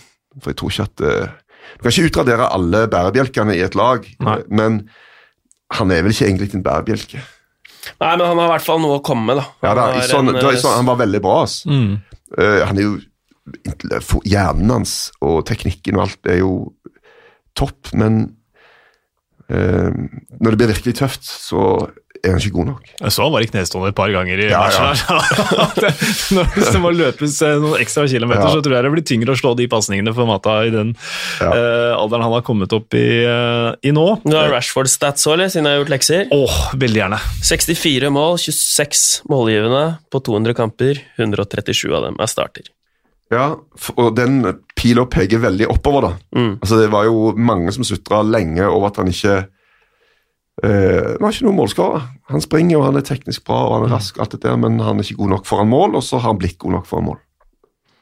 Og det er, rart, det er rart at han er så ung som han er òg, det skulle man ikke tenke. For han har jo, han har jo vært, vært i, i gamet lenge, så man tenker jo på en måte på han som en etablert spiller, men han, han er jo 22 år. Ja. Mm. Så bedre kommer han til å bli. Og det, jeg tenker jo Ole Gunnar må faktisk få litt kred for at han har greid å løfte han opp. Det er jo selvfølgelig han, sjøl som gjør største jobben, men sånn som han spiller òg, da. Utpå der skal han spille spiss. Det var masse diskusjoner rundt dette her. Hvordan skal du sette opp den angrepsrekka? Ser det ut til at han eh, passer veldig bra der ute. Altså. Ja, Det var jo hovedargumentet til Mourinho. Sa jo sånn, han sa jo det før Europa League-finalen. Da brukte han eh, Rashford som, som spiss, for han er stor i de store kampene. Da kan han skåre mål og sånt, men han er ikke en sånn spiss som putter jevnt og trutt og liksom i sånne type kamper da, mot Norwich, og, men uh, nå gjør han jo faktisk det. Så Noen ord om, eh, om Brandon Williams eh, også. Det er jo selvfølgelig en spiller som uh, har laget overskrifter tidligere denne sesongen, men uh, har vel først og fremst, kanskje, kanskje først og fremst huska for den uh, noenlunde svake avslutningen uh, ut av stadion der. Ja. Akkurat denne kampen her, Men han skaffer jo straffespark. Jeg liker han veldig godt. da. Han har denne friskheten. Han er, og Det er ofte med, det er sånn kult når det kommer unge spillere som har, du, du har ikke noe respekt. da. Altså, du bare, Ser du en liten sjanse, bare går du for det. Mm. Og så har vi sett det, det tror jeg jeg sa også nå eh, i helga, at du har sett sånne Jeg husker Jon Arne Riise. Når han kom inn som ung spiller, Mm. denne friskheten Han bare gønna på. Og så etter hvert så eh, så blir du litt mer sånn avrunda, så det blir litt flere støttepasninger og sånt. Men han må beholde den greia der, da, og tenke at han er, han er bedre enn Luke Shaw. Han er det nå. Ja, ja. Ja, ikke i forsvarsspillet. Nei, nei Det er han ikke. I en, sånn, i en sånn kamp så er han Ja, uh, mye ja, bedre enn. Men Ikke når de blir uh, trykka. Men jeg likte også reaksjonen hans etter kjempemissen. Han bare Ja, han vet at det kommer nye sjanser, Ja, ja, ja. mens uh, Ja, ja. Andreas Pereira sto og sparket i reklameskiltet der fordi han ikke fikk målgivende pasning. Altså, sånn som når jeg, jeg spilte i norsk fotball for mange år siden, da Ja. var ung, veldig ung, sånn, og hvis du gjorde en tabbe i en kamp, så var det sånn jeg Håper ikke Sportsrevyen var her. Ja. For det var noen, De viste bare noen glimt fra noen kamper på Sportsrevyen. da. Så hvis det ikke var filma, så skjedde det jo egentlig Nei, aldri. Så uh, han, Brandon var vel kanskje sånn Håper ikke den kampen går på TV. Kanskje verre for Andreas Pereira, for det er ikke sikkert han får like mange sjanser. så han vil jo kanskje ha noe på, noe på statsen sin. Men Norwich de, eh, det er et synkende skip, sånn som de framstår. Ja, de var jo mye bedre i kamp nummer én denne sesongen. eh, Selv om de tapte på Anfield, så var de jo mye bedre da enn de var denne gangen. Mm. Så, men de visste hva de gjorde. Dette er ikke noe sånn, De har nesten ikke brukt penger. De har eh, et prosjekt. De, og jeg tenker at eh, jeg har full respekt for, for Norwich og måten de har valgt å prioritere på likevel. Altså. De hadde ikke Timo Pukki, Timo Pukki og da, Ja. da blir det tøft. Men de hadde jo en som lagde hat trick i forrige match i FA-cupen. Men uh, han ble jo bare springende imellom. Hadde jo en 18-åring på topp. Ja. Og, uh, og han uh, fikk jo en en hard defensiv jobb, springe imellom veldig mye. da. Vi er jo på mange måter alle stedfortredere for, eh, for Kasper her i dag. og Han sendte melding til meg under matchen eh, og skrev om at den naiviteten, den positive naiviteten i Norwich den er borte nå. Altså, følte i hvert fall det i den kampen her, at, det, at han følte at det var et lag som sto igjen som ikke visste om de skulle forsvare seg eller angripe. Jeg syns egentlig det ga et ganske godt bilde av hvordan Norwich fremsto i den kampen. her. Det var liksom nesten bare Boendia igjen av det vi har eh, sett av dem tidligere, sånn offensivt i hvert fall. Sånn sabla kontrast da, eh, fra forrige sesong, der de ofte hadde elleville kamper og kom bakfra og vant 4-3 og, og skåra masse mål. Og, og så så jeg en sånn greie som jeg syns er ganske interessant. det er liksom, Når du kommer fra championship til Premier League, uh, hva skjer med målforskjellen din? Jo, da er det sånn at i snitt så skårer du 40% mål færre, og du slipper inn i snitt 47% mer. Og det er ganske voldsomt, da. Så kan du, bare, du kan nesten ta målforskjellen i championship, så kan du bare regne det ut. Hvor kommer du sannsynligvis til å ligge da i Premier League? Og Norwich er enda verre. Ja. De skårer enda mindre enn det, de slipper inn enda litt mer. da. Så, eh, så mens, mens, mens, men så kunne ta målforskjellen til Sheffield United da, i championship, og se at de slapp inn eh, såpass lite da, at selv om du ganger det opp med eh, 47% så er det ikke så urovekkende. da. Sant? Det kan og de har jo greid det enda bedre enn det. da. De har bare, Baklengsmålet til Sheffield har jo bare gått opp bitte, bitte litt. Skårer jo veldig lite, da. Mm. Men de greier jo det pga. den eh, defensive soliditeten som de faktisk har. da. Det, du, du klandrer deg sjøl litt, for vi sitter jo og lager- setter disse tabelltipser før sesongen. og det Nyopprykka lag er alltid så dritvanskelig. Ja, ja. Og denne Villa, Norwich, Sheffield United altså hvem Men jeg tenker at hvis du kunne fått et hint med bare tatt en liten titt på, på, på målforskjellen og Ofte er det sånn de, de laget som satser på possession-fotball i championship, som Norwich, de sliter mest. For det greier du ikke i Premier League. Nei. Du er sjanseløs. Skal du spille mot Liverpool og den gjengen der, så tror du at du skal ha ballen mest. Det er jo helt totalt fånyttes. Så du, du blir en helt, spiller en helt annen type fotball. da. Ja, de hadde ballen 40% av tiden nå, Paul Trafford. Så mm, er du, er du bare Det blir veldig digresjon, men, eh, for du er veldig målforskjellbasert her, eh, Mm. Erik. For jeg har alltid vært av den oppfatningen at målforskjell egentlig sier ganske mye om styrkeforholdet, nesten vel så mye som poeng. Er du enig i det? Mm. At det, det sier undervurdert mye, egentlig, om Ja. hvor gode fotballag er. Bortsett fra eh, på, på toppen av Premier League denne sesongen, da. Der City Ja. jo har klart mye bedre ledmålforskjell enn Liverpool. Så du, du får noen sånne, f.eks. når du taper 9-0, sånn som Southampton, så gjør det et sa, så stort utslag, da. Men jeg er helt enig med deg. Målforskjellen er ganske gøy å ta en titt på, og, og se at uh, Sheffield United ligger på femte hva plass? Sjette, plass. Sjette, og hva er målforskjellen? Har de negativ målforskjell? De har det, har de ikke det? Sheffield United? Ja. Ikke langt unna, i hvert fall. Men, mens de dere har, sjekker det, gutter, så kan jeg bare nevne det med målforskjell. Southampton har nå, har nå faktisk bedre målforskjell enn de fire dårligste. Ja. Hva Så, sa du? ja. At Selv om de har tapt 9-0, eh, Southampton, så har de faktisk bedre målforskjell nå enn de fire nederste på tabellen. Men det hører vel også Watford til. De har jo tapt 8-0. Ja, mot, ja, mot City, og, de, og de er ganske like. Det er minus 12, minus 13 Mm. Eh. Så, så det er et godt, godt, eh, godt poeng. Uh, Sheffield United, nå har vi snakka litt om den, så da syns jeg uh, Bramble Lane og fredag kveld er et bra sted å starte. Jo, det var uh, en av dine to kamper denne helga, det. Det, det, det var det. Det var ehm, en, en, kamp som sto i um, Erik Thorstvedt sitt, eh, sitt tegn, det. Det var mye keeper- keeperdramatikk der. Mm. Lukas uh, Fabianski til, ja, han har jo vært ute mye med skade, og er egentlig grunnen til at de Westham har gjort det dårlig, da. En av hovedgrunnene. Og så var jo da opprinnelig tredjekeeper, nå andrekeeper, David Martin inne og skulle Skulle eh, frispille seg litt, eh, litt eh, bak der. Og Mm. da, Gikk ikke det? det? Det gikk absolutt ikke. Nei. Og det var jo liten parallell til til Bournemouth òg, som jo Mm. Ja, måtte ha ha en ny keeper og akkurat samme var jeg greie. satt og nølte litt. Er jeg på Ja. riktig kamp nå? Ja. Eh, Snakker jeg om riktig Ja. eh, keeper? Men det stemmer jo, men jeg, Mm. det var en rar manøver for, fra halv Westham-duden. Altså, han, han fikk jo helt kontroll på ballen, på, på kroppen sin, når Mm. den ballen kom, da. Eh, Men, men det er klart at Fabianski eh, ja, han, Ikke bare denne, altså forrige sesong òg. Altså, han redder jo det samla laget. Mm. Og akkurat det samme mm, hvis Dubravka hadde blitt skada for Newcastle.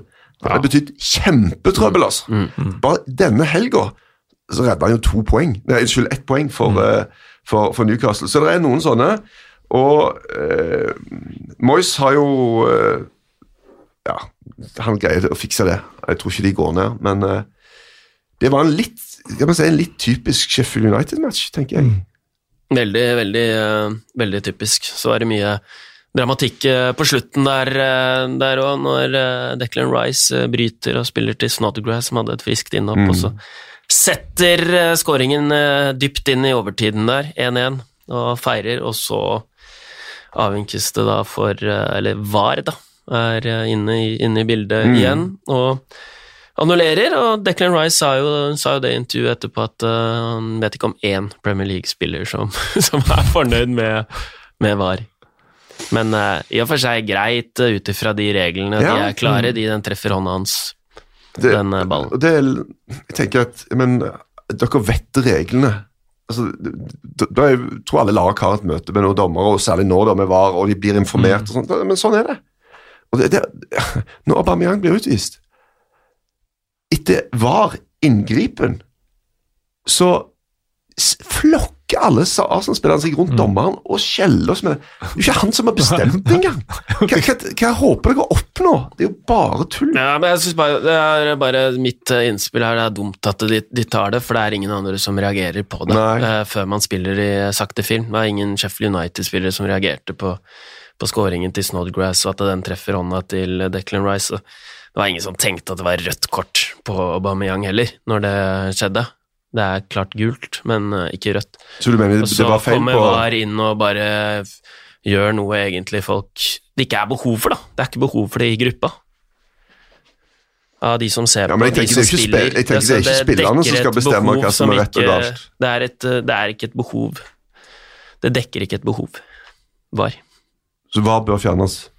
Ja, nå skal vi ikke ta den uh, debatten, men uh, det er uh, Det er liksom det er, det, Ingen reagerte på at Snodgrass uh, skårte. Det var et fantastisk øyeblikk, uh, 1-1 inn i overtiden, og så, så blir den uh, borte. Men Sammen tenker, med du kan, Aubameyang. kriteriet kan ikke være at ingen reagerte. Altså, jeg tenker, Hvis reglene er sånn som de er, og, og denne her greia er per definisjon Den skal tas. Mm. Ja, men Da må du ta den, da.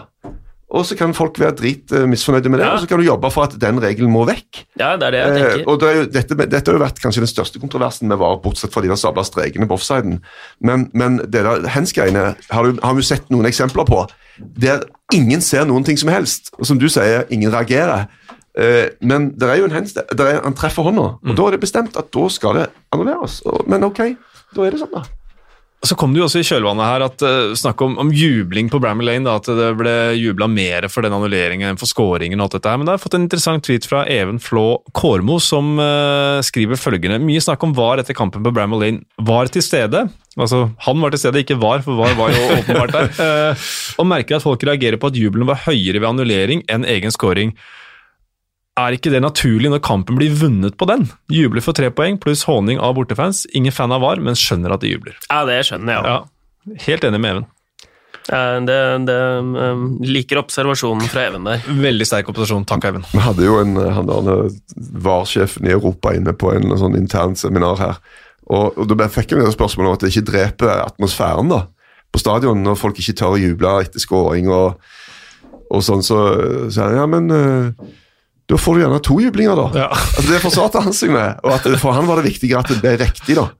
Så, Men men, det, det, er jo et, det er jo et oppgjør eh, som er preget av litt eh, hat og det der, etter Absolutt. at eh, Car eh, Carlos Tevez gikk til, eh, til Westham uten at det var mm. Det var eh, en ryddig overgang, og det kostet Sheffield United eh, nedrykket. Mm. Og det, og det verste så er det kostet kosta jo- Westham sykt mye penger. Ja. sånn Mm. Jeg tror de fikk nesten en halv milliard i bot, jo ikke? men beholdt plassen i Premier Ja. League. Så det er liksom, de sitter jo med Westham-supporterne satt jo med Carlos Teves masker for å for å provosere Sheffield United-fansen, så det er jo mye følelser der. Så jeg skjønner jo at de jubler for annulleringen.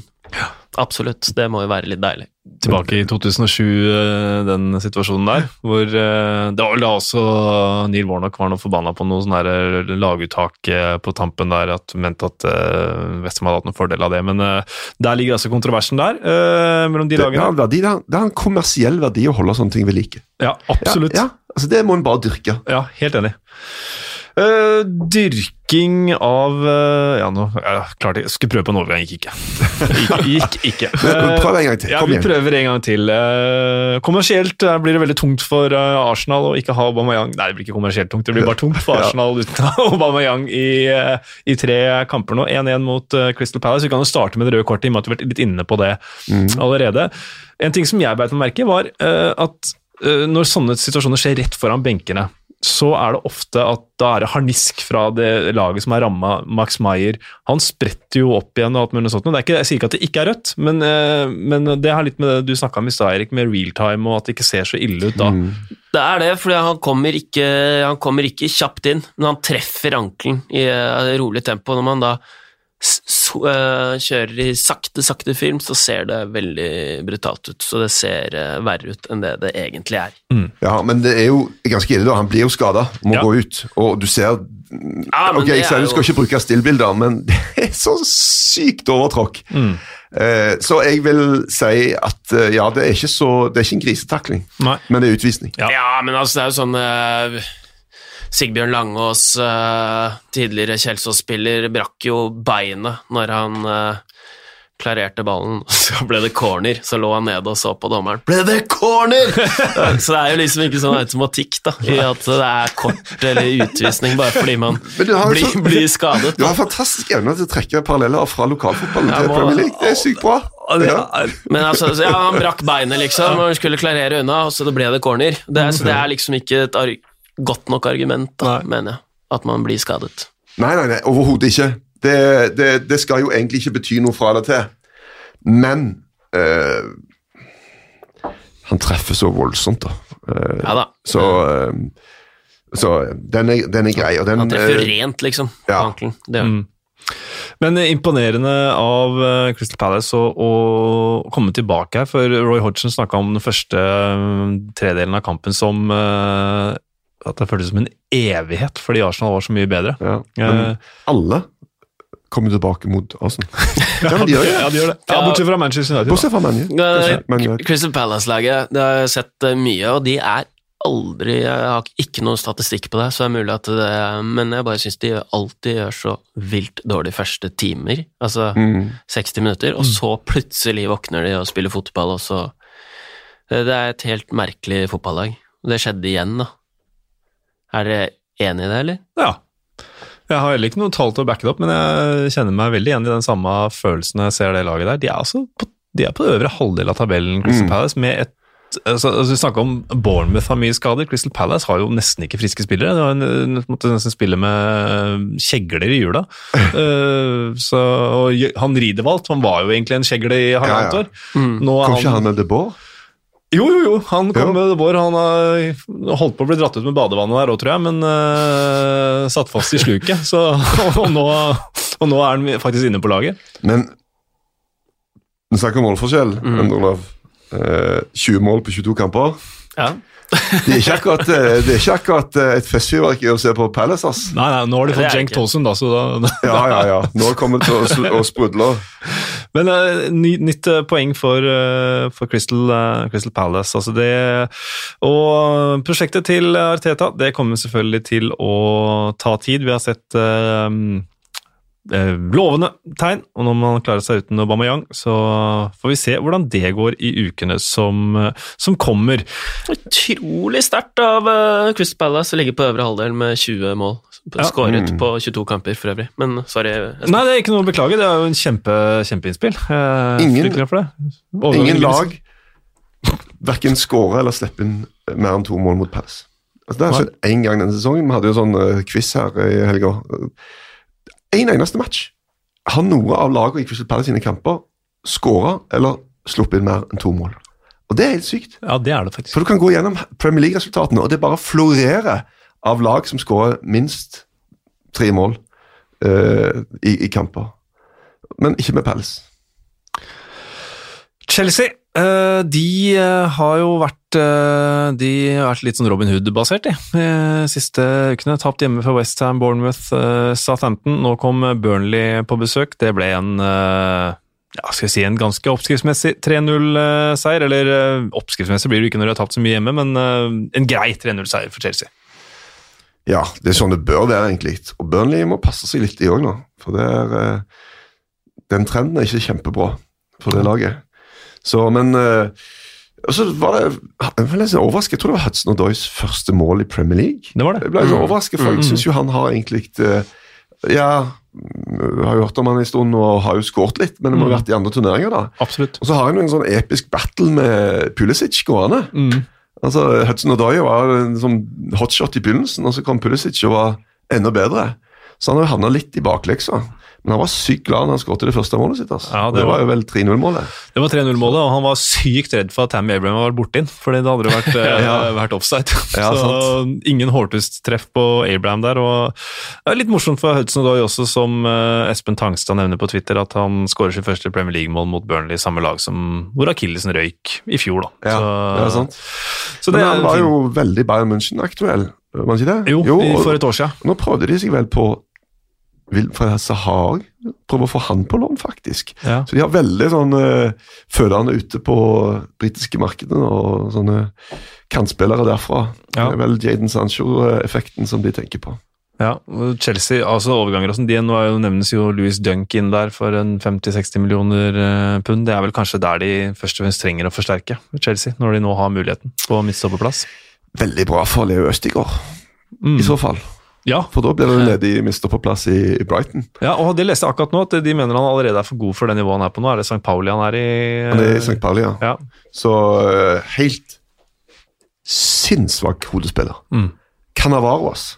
Liten fyr som knuser alt i lufta. Helt fascinerende å se på. Og skal også være en fantastisk uh, type. Uh, Søstera mi har vært uh, læreren hans, faktisk. Altså Ja, at, uh, Trodde du skulle si vært sammen med han. Nei, nei, det, nei, det er uff, å.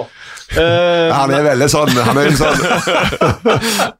ikke det, ikke det. En veldig ryddig type, øh, høflig Det er godt at han var ryddig, i hvert fall. ja, ja.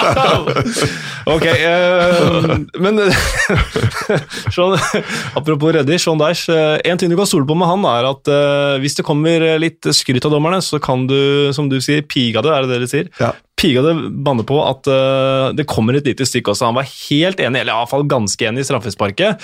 Uh, litt Men- uenig òg. ja, litt uenig òg, selvfølgelig var han det. Eh, Men det var kontakt og straffe, men så skulle det selvfølgelig vært frispark for Tarkovskij i uh, 200-målet. Fem minutter tidligere. Ja, fem minutter. ja, ja, eller i forkant av 200-målet. Og- Men det er jo elendig keeperspill av Nick Pope. Hva er det han driver med der, da? Ja, det sa jo veldig bra.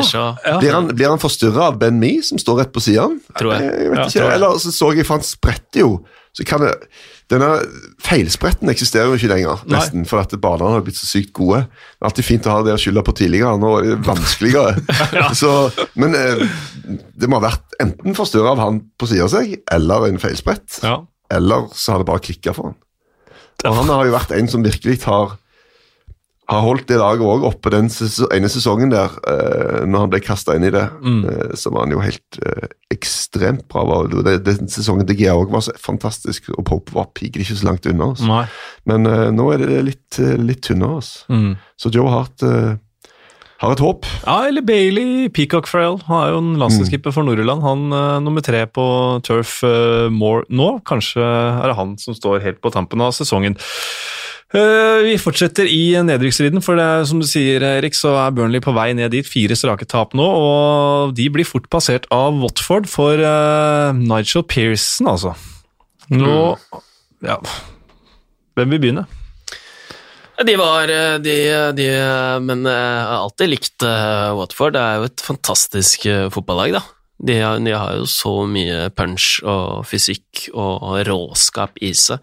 Og så har de vært eh, overraskende ujevne, men virker som de er en god match da, med Nigel Person. Pearson. Altså at det er et lag han passer til å trene når du ser, når du ser den råskapen de har ute på banene. Mm. Det er, ikke, det er ikke lett å møte, og så er de gode òg. Ja, Og så er fascinerende klubborganisasjoner. De spytter jo i trynet på alt som heter kontinuitet og, og liksom filosofi og altså, De bytter jo mennesker hele veien, og, og lykkes med det. Ja. Så de har jo da tydeligvis noen andre mekanismer som ligger i bånn. da. De har hatt veldig scouting, har jo hatt disse klubbene, har de vel solgt Granada. har Ja. Granada, det ja. eh, men de har vel Udinese fortsatt. Ja, ja. Så de driver jo triks og mikser med spillere rundt omkring. Enormt uh, scouting-nettverk for å finne spillere. Mm. Og så har de snudd griseuflaks hele sesongen Mm. til flaks. Mm. Altså, det var jo ikke en 3-0-match, la oss være helt ærlige. Nei. Så Men øh, øh, blitt mer direkte. Har ballen mindre, men får mye flere poeng. Mm. Og eh, jeg syns det der sitatet fra Troy Dini er ganske fint. altså. For the first time in eight years, I feel treated like a proper man. det er han og Nigel Persen, altså. Det tenker jeg at de er De passer sammen. altså. Men det var jo Troy Dini, altså, Og det er jo en viktig faktor her, for eh, både Havi Grazia og til dels Kike Sanchez Flores måtte jo klare seg uten Troy Dini. Eh, og han har kommet tilbake with a vengeance, som, uh, som det heter. De tapte den første kampen på Anfield under Nigel Pearson, men da var de gode. Eh, og så har de vunnet fire av de fem siste etter det, og den siden de ikke har vunnet, det var uavgjort borte mot, mot Sheffield United. Så er det Du sier jo de spytter i trynet på alt som har med kontinuitet å gjøre. Og da kan de jo ikke ha en større klyse. Det er til og med iblanda snørr enn å gjøre det nettopp mot Eddie Howe og Bournemouth. Mm. Ja. For der har kontinuiteten vært nøkkelen, men Ja. den kontinuiteten uh, tør de Altså, de, jeg tror ikke de kommer til å sparke Eddie Howe. Men, kommer, Nei, men kan dere Eddie har de- trekke seg? Men det er det liksom, du vet ikke, for der sitter en russer, en milliardær, og tar den avgjørelsen. Mm. Og det er jo ikke en sånn komité. Det er en, en fyr da, som til syvende og sist koker ned det, som bare sier at uh, uh, ja eller nei. Mm. Og jeg vil jo håpe at de ikke gjør det, men de er i trøbbel, altså. Og de greier jo ikke å skape sjanser. De, de har jo masse ball og holder på framme der, men de greier jo ikke å spille seg fram. Ni mål fra åpent spill er jo så stusslig lite. på mye med oppi, i et par tyve kamper. Mm. Og, det er, og de har prøvd, Han har prøvd det meste nå, men de har jo hatt mye skader òg, da. Ja. Så, eh, men Callum Wilson er jo off the boil. Fraser har jo nektet å skrive noen ny kontrakt. Hva gjør det med en liten klubb som ser 35 millioner pund, 40 kanskje? Han var jo en av de beste spillerne i Premier League forrige sesong. Mm. Forsvinner. Det blir liksom litt rør internt når, når du har en sånn type situasjon. Så er det jo uh, keepersituasjonen der òg, som vi var Ja. inne på i Westham. Uh, Ramsdale var skada, så Travers Det var en lukket fotballkamp helt Mm. til uh, keeperreserven valgte å bare spille den rett opp Ja. i brystet på Ismail Azar. Og de har, de har jo De slapp inn 70 mål forrige sesong. Det går ikke an. Det kan du ikke gjøre. Altså det, det må du bare gjøre noe med. Og det har de jo faktisk gjort, da. Men i det dragsuget så har det gått egenproduksjon framover. Mm. Og så har de plutselig sluppet inn syv mål på de to siste matchene. Og Da er de litt tilbake til at det er åpent, eh, åpne sluser. Altså. ja. Fire poeng på de siste elleve matchene har uh, Ja. Bournemouth nå. Det er uh, Og nå, skrekkelig. nå, de, nå står de midt oppi i rekka med sånn type matcher som eh, Hvem har de neste gang? Er det et eller annet eh, Brighton eller et eller annet sånt? Eller? Ja, i hvert fall Brighton og Norwich ja, de, i de to neste. Ja. Uh, og så er det en kamp til som også er sånn must win. Uh, Ja, sant? Borte mot Norwich, og så er det hjemme mot Brighton. Ja. Ja.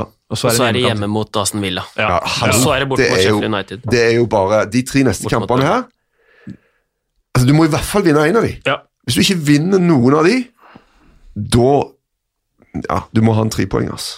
Så er det tungt å spille seg til sjanser når det er Dominic Solanke som står og skal avslutte òg, da. Ja, jeg syns synd på han, altså. Ja.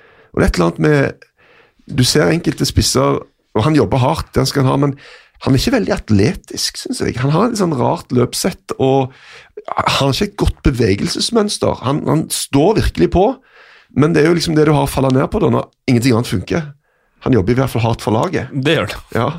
Uh, apropos Solanke, så spør Erik Tegnander. Tei- Er det Nå svikta linsene meg litt her. Er Et par spisser jeg undrer på meg hvorfor de stadig får nye sjanser. Hvis dere skal forsterke med spiss og dere må velge mellom Benteke og Solanke, hvem velger dere? Velger jeg um, Benteke. Ja, Ut fra en spillergreie så ville jeg gjort det ut fra Hvis du tenker som klubbdrift, så ville jeg tatt Solanke, for han er såpass ung at han har i hvert fall en viss form for videresalgsverdi. Benteke har jo egentlig ikke det. Ingen av de skårer jo noe særlig mål, men Benteke han binder jo i hvert fall opp en del eh, spillere rundt seg. Men eh, det er eh, Nå spilte han sin 50. Premier League-kamp, Solanke. Én skåring, mål. Ja. to målgivende. eh, 40 Nei, 54 avslutninger. Truffet uh, tverrlegger eller stang to ganger og bommet på ti big chances, står det i Ja, det statistikkene. Og han, hvis vi spoler litt tilbake, da, så er jo dette et av eh, Altså, han var jo liksom Marcus Han fikk landskamp for England Ja, ja. for eh, to år siden. Men, altså, det er jo et av de største talentene. Mm.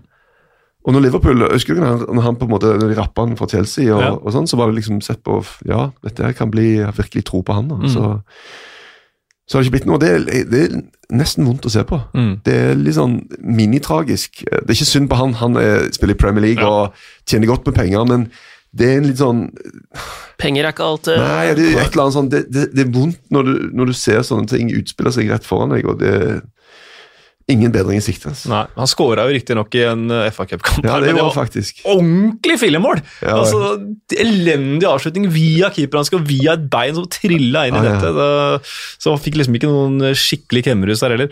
Han er 22 år, da. Vi må ikke Ja, ja, avskilte ja, Ja, ja, nei, skal Nei. avskilte han på noen som helst måte, men eh, jeg tror ikke det er mannen du vil ha hvis du skal Nei. prøve å skyte deg ut av trøbbel. Men, men greia er at han kommer, han kommer Hvis han Hvis Bournemouth skulle rykke ned Det var ikke én eneste Premier League-klubb som kommer til å ville ha han. Altså Han ødelegger jo ryktet sitt totalt. Han, ja, han Mm. gjør det. Altså, det, han er, det er liksom ingenting inni det spillet hans som du tenker Ja, her er det noen som ser et eller annet. Og se på han som uh, Mosei. Lys Mosei, som de kjøpte Ja. fra, fra, eh, fra Bournemouth. Som òg var en sånn spiller som nesten ikke skåra mål. Spilte haug med kamper, masse innhopp, da, selvfølgelig. Men det var nesten ingen produksjon. Men du kunne se et eller annet. Du kunne se at det er noe greier her, da. Så han fikk seg jo et bra bytte, og har jo vært bra. Ja. Men Solanke Jeg det samme, Jeg skulle til å si det Sheffield United når du gir Jack Rodwell og Ravel Morrison uh, nye muligheter, Ja, ja, ja. Så, er det bare å ønske velkommen til Bramall Lane for Dominic Solanke etter hvert. Det er alltid en klubb som Alltid en klubb. er eh, ute, ute etter, etter de spillerne der. Ja, Tror du ikke det? Men det er en Premier League-klubb? Handler om å ha seg en god manager. Nei, god agent. God Ja. agent. Uh, bare ta helt avslutningsvis, altså er det tre lag som har klart seg i Premier League etter å ha ligget bånn ved jul. Det er uh, Sunderland har klart det én gang, på gudene veit hvordan hvilket vis. Uh, Leicester klarte det under Pearson, og West Bromwich i 2005 under Brian Robson med Nigel Pearson som assistent. Så Ja. de visste hva de gjorde når de henta Pearson i Ja. Hartford. Ja, de gjorde det, altså. Vi har et par kamper til som vi får ta kjapt innom før vi tar noen faste spalter eh, på tampen her. Wolverhampton-Newcastle, den var du inne på i stad med Dubravka som redda ett poeng. eh, Ja. To av årets, i hvert fall, mest elleville redninger. Strålende, altså. Og jeg var helt sikker på at, at Wolverhampton skulle vinne, og de burde jo vunnet den, da. De har bare, rett bare litt uflaks. Eh, og, og, men eh, Almiron skårer jo igjen, da. Det er jo en god ting. Det er en eh, meget eh, Meget uh. Meget god ting. Han, uh, han var uh, Altså, i den kampen der var han den på Newcastle som hadde flest avslutninger, flest gjenvinninger, vant flest dueller, vant flest baller på siste tredel og taklet mest. Så han var helt eh, enorm, og nå har han eh, selvtillit, og han skjønner at det her Men det han viser nå, det var liksom det han viste i Jeg har sett en del fra han i eh, MLS. Mm. Det var det han drev med i, mm. i MLS. Da. Det, det får han til nå i Premier League. Tatt litt tid for han, men, eh, men eh, han er faktisk men- men, men jeg- Han er bra, faktisk. Jeg tenker Newcastle, de, altså det poenget der Newcastle kan kjapt bli dratt ned. Mm. Det er ikke så langt opp til de, altså. Så de trenger å sanke de poengene de kan få. Det har vært en litt tung periode nå, da. Oh, så det poenget her var bra. altså. Ja, Men de, uh, var det årets redning, eller, fra Dubravka der? ja den uh, på Jimenez. Jimenez, ja. Ja. Nei, der er jo Der, der er det ei bra liste, altså. Så den må vi, den må vi vente med. Men For årets, årets kan det være 2020. For det, for det savner jeg litt. Ja, eh, ja, 2020, ja. Det er en utfordring til deg, eh, Torstvedt. Vi kårer alltid mål. eh, Årets mål og topp ti-lista Mm. med skåringer ved sesongslutt, men hva med topp ti årets redninger? Ja da, det, det, Kan- vel, Er det ikke noen som kårer månedens redning? Eh, jeg tror det, og Jeg blir alltid blir så skuffa når jeg ser kandidaten. Jeg tenker 'hæ, den? Hæ, den?' Eh, men vi må begynne å samle, da. Hvem var det som hadde en sånn eh, syk uh, dobbeltredning nå, da? Guita, var ikke det? Ja, Guita, ja. Eller den første Ivar Stolpe, jeg vet ikke om han er på den. Jo, han er på den. Han er på den nå? Ja, ja. han, han redder den, og så kommer han ut, så treffer han i hansken, så han har i grunnen bare fått slått han utover. Ja. Så kommer neste avslutning, som du, ten altså, du tenker det må jo bare være mål, og så holder han den. Mm. Ja, det var Det kan vi gjøre. ellevilt. Vi kan lage den lista til sesongslutt. Det skal vi gjøre. Med litt eh, hjelp der. Nei, Jeg, tenker, det, jeg, jeg, sier, jeg vet ikke nå, men eh, jeg kan garantere at jeg kommer til å ha Ben Foster på den lista, bare fordi jeg er så glad i Ben Foster. Og han har hatt mange gode redninger i, i år. Det kom til gjøre, Nyland. Ja, Faen er norsk. ja, ja faen er norsk, ja. Matty Longstaff hadde også en god redning i den kampen, her, faktisk. Eh, Ja. Kanskje, kanskje den beste. Ja, men, uh, men Wolverhampton uh, altså, Du sa det, det var en viktig seier for Newcastle. Ja, de hadde nå ja, vel tre tap på rad og en forferdelig andreomgang mot Rochdale i FA-cupen, så å få stoppa den råtnelsesprosessen der var veldig viktig. Wolverhampton som spilte sin 37. kamp, altså neste match nå i overmorgen, så har de da spilt en Premier League-sesong av antall kamper. Og vi skriver midten av januar. Og de spiller jo stort sett med de samme De spillerne gjør også. det, de bytter jo ikke mye. og De Nei. har funnet en eller annen greie der som gjør at de lykkes med det. Altså, De greier å få disse spillerne til å ikke bli skada, Mm. og være utpå nesten hver gang. Så de eh, gjør en kjempejobb. Everton de uh, tapte mot uh, reservelaget til reservelaget til juniorlaget til Liverpool i FA-cupen, men uh, klarte å slå tilbake mot Brighton. Enormt viktig selvfølgelig for uh, Carlo Ancelotti. Og, og i Premier League så er det jo tut-tut Ancelotti-tog, altså. Tre av Ja. fire seire i serien. Mm. Vakkert mål òg. Oh, ja. Charlison Mm. eh, han, har, han kommer inn der i stor fart, og så bare visner det. Det dør Mm. hen, og situasjonen er over. Og så greier han å improvisere fram en avslutning likevel, Mm. helt borti kroken. Så, eh, men eh, det var, var det ikke litt bråk oppi der nå etter den Liverpool-matchen? Var det ikke mye eh, Jo, det var fansen? Altså, det, er jo, det er jo nedverdigende. Det er jo ydmykende å ryke på de greiene der. Altså. Så apropos Newcastle å stoppe råtningsprosessen, Ja. så var den minst like viktig, tror jeg. Mm. Ja, det er det. Holder jeg med deg. i. så er det jo snakk om bare kjapt Walcott, eh, som på mange måter straffes for å holde seg på beina. og Vi har snakka litt om VAR, men er ikke det her en situasjon som VAR må inn og ta, når han blir dratt i, og forstyrra av Louis Dunk der? Selv om han får avslutta. Helt enig. Det er, der er det et behov for Ja. VAR. Mm. Så VAR må begynne å dekke behovene, ikke steder hvor det ikke er behov. Men det var ingen av spillerne som reagerte. Jo, var det ikke det? Jo, det var det. Det var det. Ja, det var det der, altså. Er ikke, det er ikke et parameter, det, altså. Men uh, ja. Et tverrliggertreff fra Trossard var det nærmeste Brighton kom. De uh, ja, kan fort havne i trøbbel, de også. Det er i hele tatt en, en, nesten, hele, nesten hele nedre halvdel eh, i Premier League kan havne i trøbbel. og og Se på sånn som Skal ikke trekke Tottenham ned noen nedrykksstrid, men de har like langt opp til fjerdeplassen som de har til nedrykksstriden, så veldig mange lag er involvert. Vi eh, får ta noen eh, faste spalter her nå. Det var moro å se på. Morata var kjempegod. Hva i all Han snakka ikke om seg sjæl, han snakka om dommeren. Og vi kan begynne med, begynne med det verste, da, for der eh, er jo alltid eh, Hvis jeg foreslår noe her, eh, sitter i den stolen her, jo, så, så pleier jeg å ikke få medhold. Så det blir spennende nå med kaktusen. Vi snakka litt om det før start her. Jeg jeg har et par, men jeg tenkte egentlig litt Westhams medisinske apparat, jeg, som ikke klarer å stoppe Fabianski fra spillet før han er helt frisk. Så ut som det var hofta som røyk igjen nå. Det var den, den han hadde skada. Altså, så viktig spiller. Han, han må være 100% frisk, så han ikke slår han opp igjen. Dette tenker jeg at du må være inni der for, ja, for å Ja, ja, ha noe kunne uttale om, altså. For at eh, Og det er jo ikke. Nei. Nei, men jeg, jeg er enig med, med Espen. eh, altså Når han skader seg på et utspill, det, er, det skal de ha kontroll på, på det medisinske apparatet. Med alt, alle de ressursene de bruker, og så profesjonelt det er nå. Den overvåkningen de har av spillere. Når mm. du ser spillere komme tilbake fra skade, slår opp den med en gang, da Alle spillere vil jo spille, selvfølgelig. Men eh, det Ja, medisinske apparatet men- men skal sørge for at de er klare for det. Du skal vite at eh, det er et medisinsk er- apparat som er knallkjørt, hardt kjørt av trenerstaben. Mm. Og det, Jeg tror ofte det er litt sånn etiske dilemmaer. Det er derfor jeg synes Any Given Sunday filmen Ja. er så fantastisk bra. Mm. For at den treffer så enormt på så mange problemområder rundt idrett og et lag. da. Mm. Dette med legen eh, som skal friskmelde spilleren som vil spille for han trenger den bonusen som han får, osv. osv. Ja. Og jeg har sett mange trenere som har kjørt medisinsk støtteapparat noe så sykt altså, for å få de med på at denne spilleren skal ut på. Så det ligger mye greier bak her. eh, Men eh, eh, hvis dere vil stille fjerndiagnoser eh, gjennom TV-skjermen, så er det greit for meg. altså. har, du andre, har du noen andre forslag til kaktus, Erik? Um, Mens du tenker, kan jeg komme med et. Ja. Det er uh, Krul. At han skal ut og fullføre ja, ja, ja, ja. taklingen på Brann Williams. Fordi det Der er det faktisk lov å snu, da, mener jeg. Ja, bare for følge den der. fjellvettregelen. Ja, men- fordi men- der ser man Alle kan se at han er for seint ute, men han er skjønner at det selv. Han prøver å trekke seg, men hofta trekker seg ikke. Nei. Ermene trekker seg, men han tar den jo med hofta si. Ja. Sant? Så, Men må det er han fullføre løpet, liksom? Nei, det Komme seg tilbake på strek. Ja.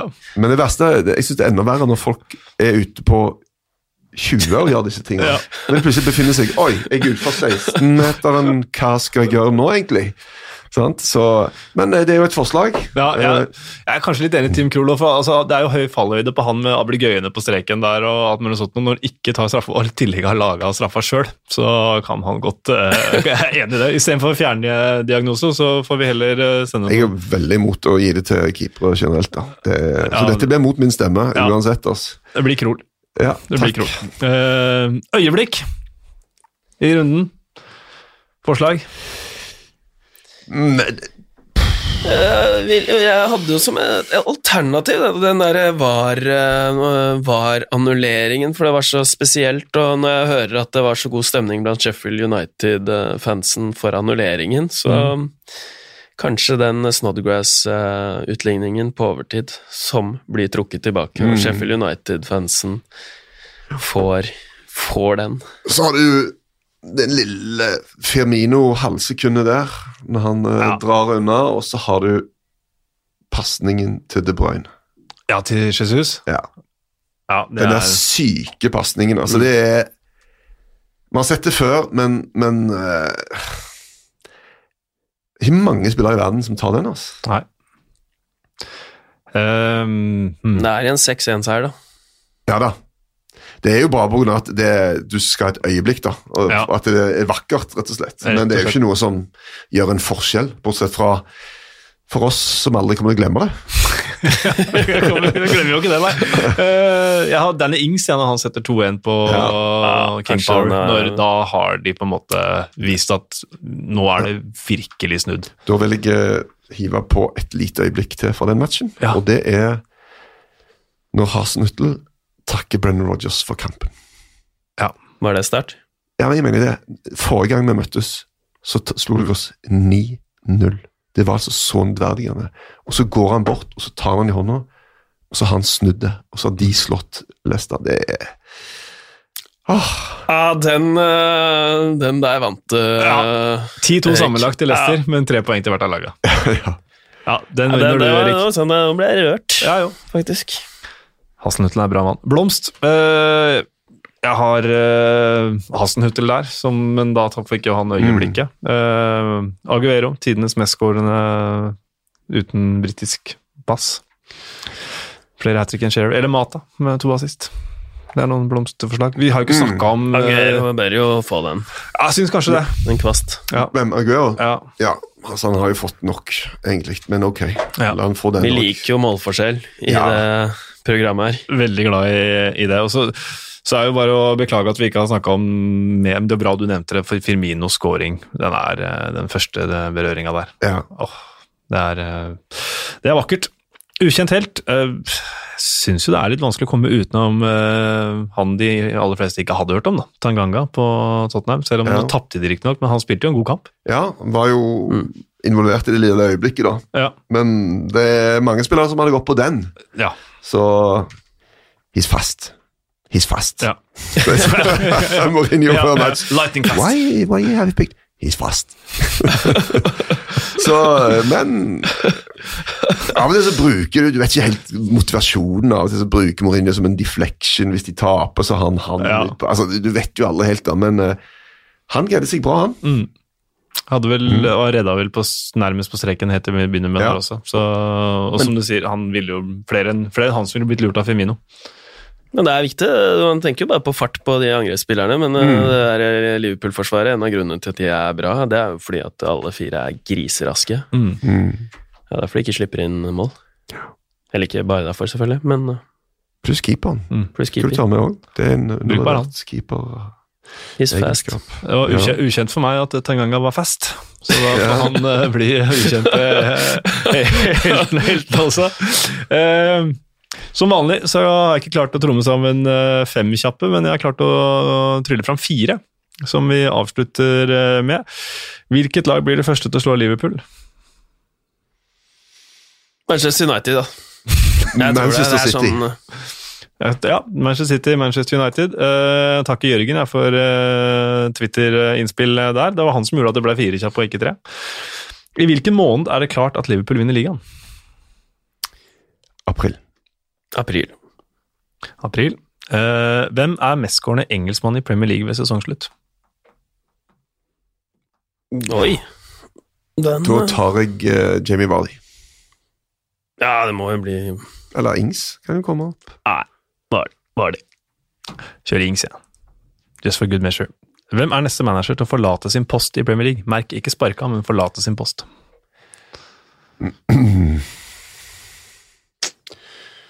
Den er uh... Ja, den er De Farkes må jo sitte trygt. Uh, Tror du det? Ja.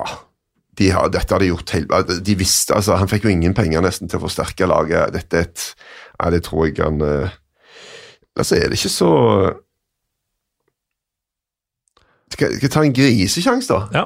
Bare si Steve Bruce. Det var den grisesjansen jeg tenkte på også. For Ja. jeg, du tar de andre kandidatene. Nå var det der fem kjappe, men det blir jo fem lange. alt Dean. Smith. Dean Smith, ja, tror jeg ikke. Jeg tror han er sånn Aston Villa-mann through and Ja. through. Men, men som du sier, det er jo én mann som tar avgjørelsen. Eddie Howe.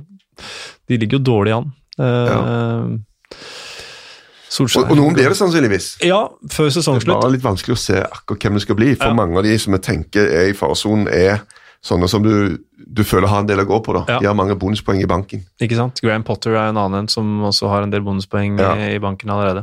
Hvor mange bonuspoeng har Sean Deisha? mange. Ja, han ble jo med ned, og Ja. han tok dem opp igjen, så Men uh, ja, Sean Deisha er outside bet der. Outside bet.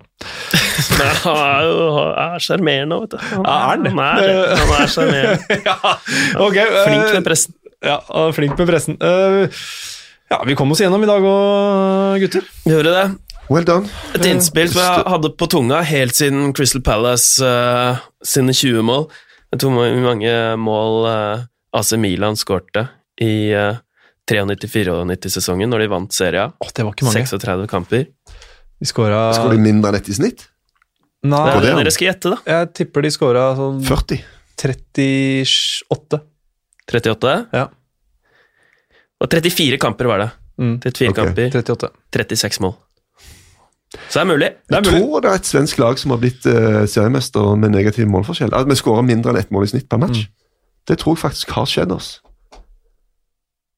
Så målforskjell er ikke Ja. alt. Målforskjell. er... det var hyggelig å være med, da. Ja, det var Ja. hyggelig. hyggelig å ha deg, gutter. Tusen takk, Erik. Sjøl takk. Fornøyelse. Ja, tusen takk, ja.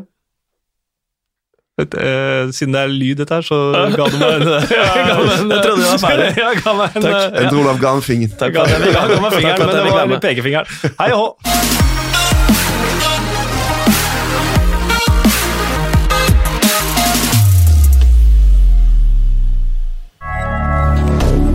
Moderne media.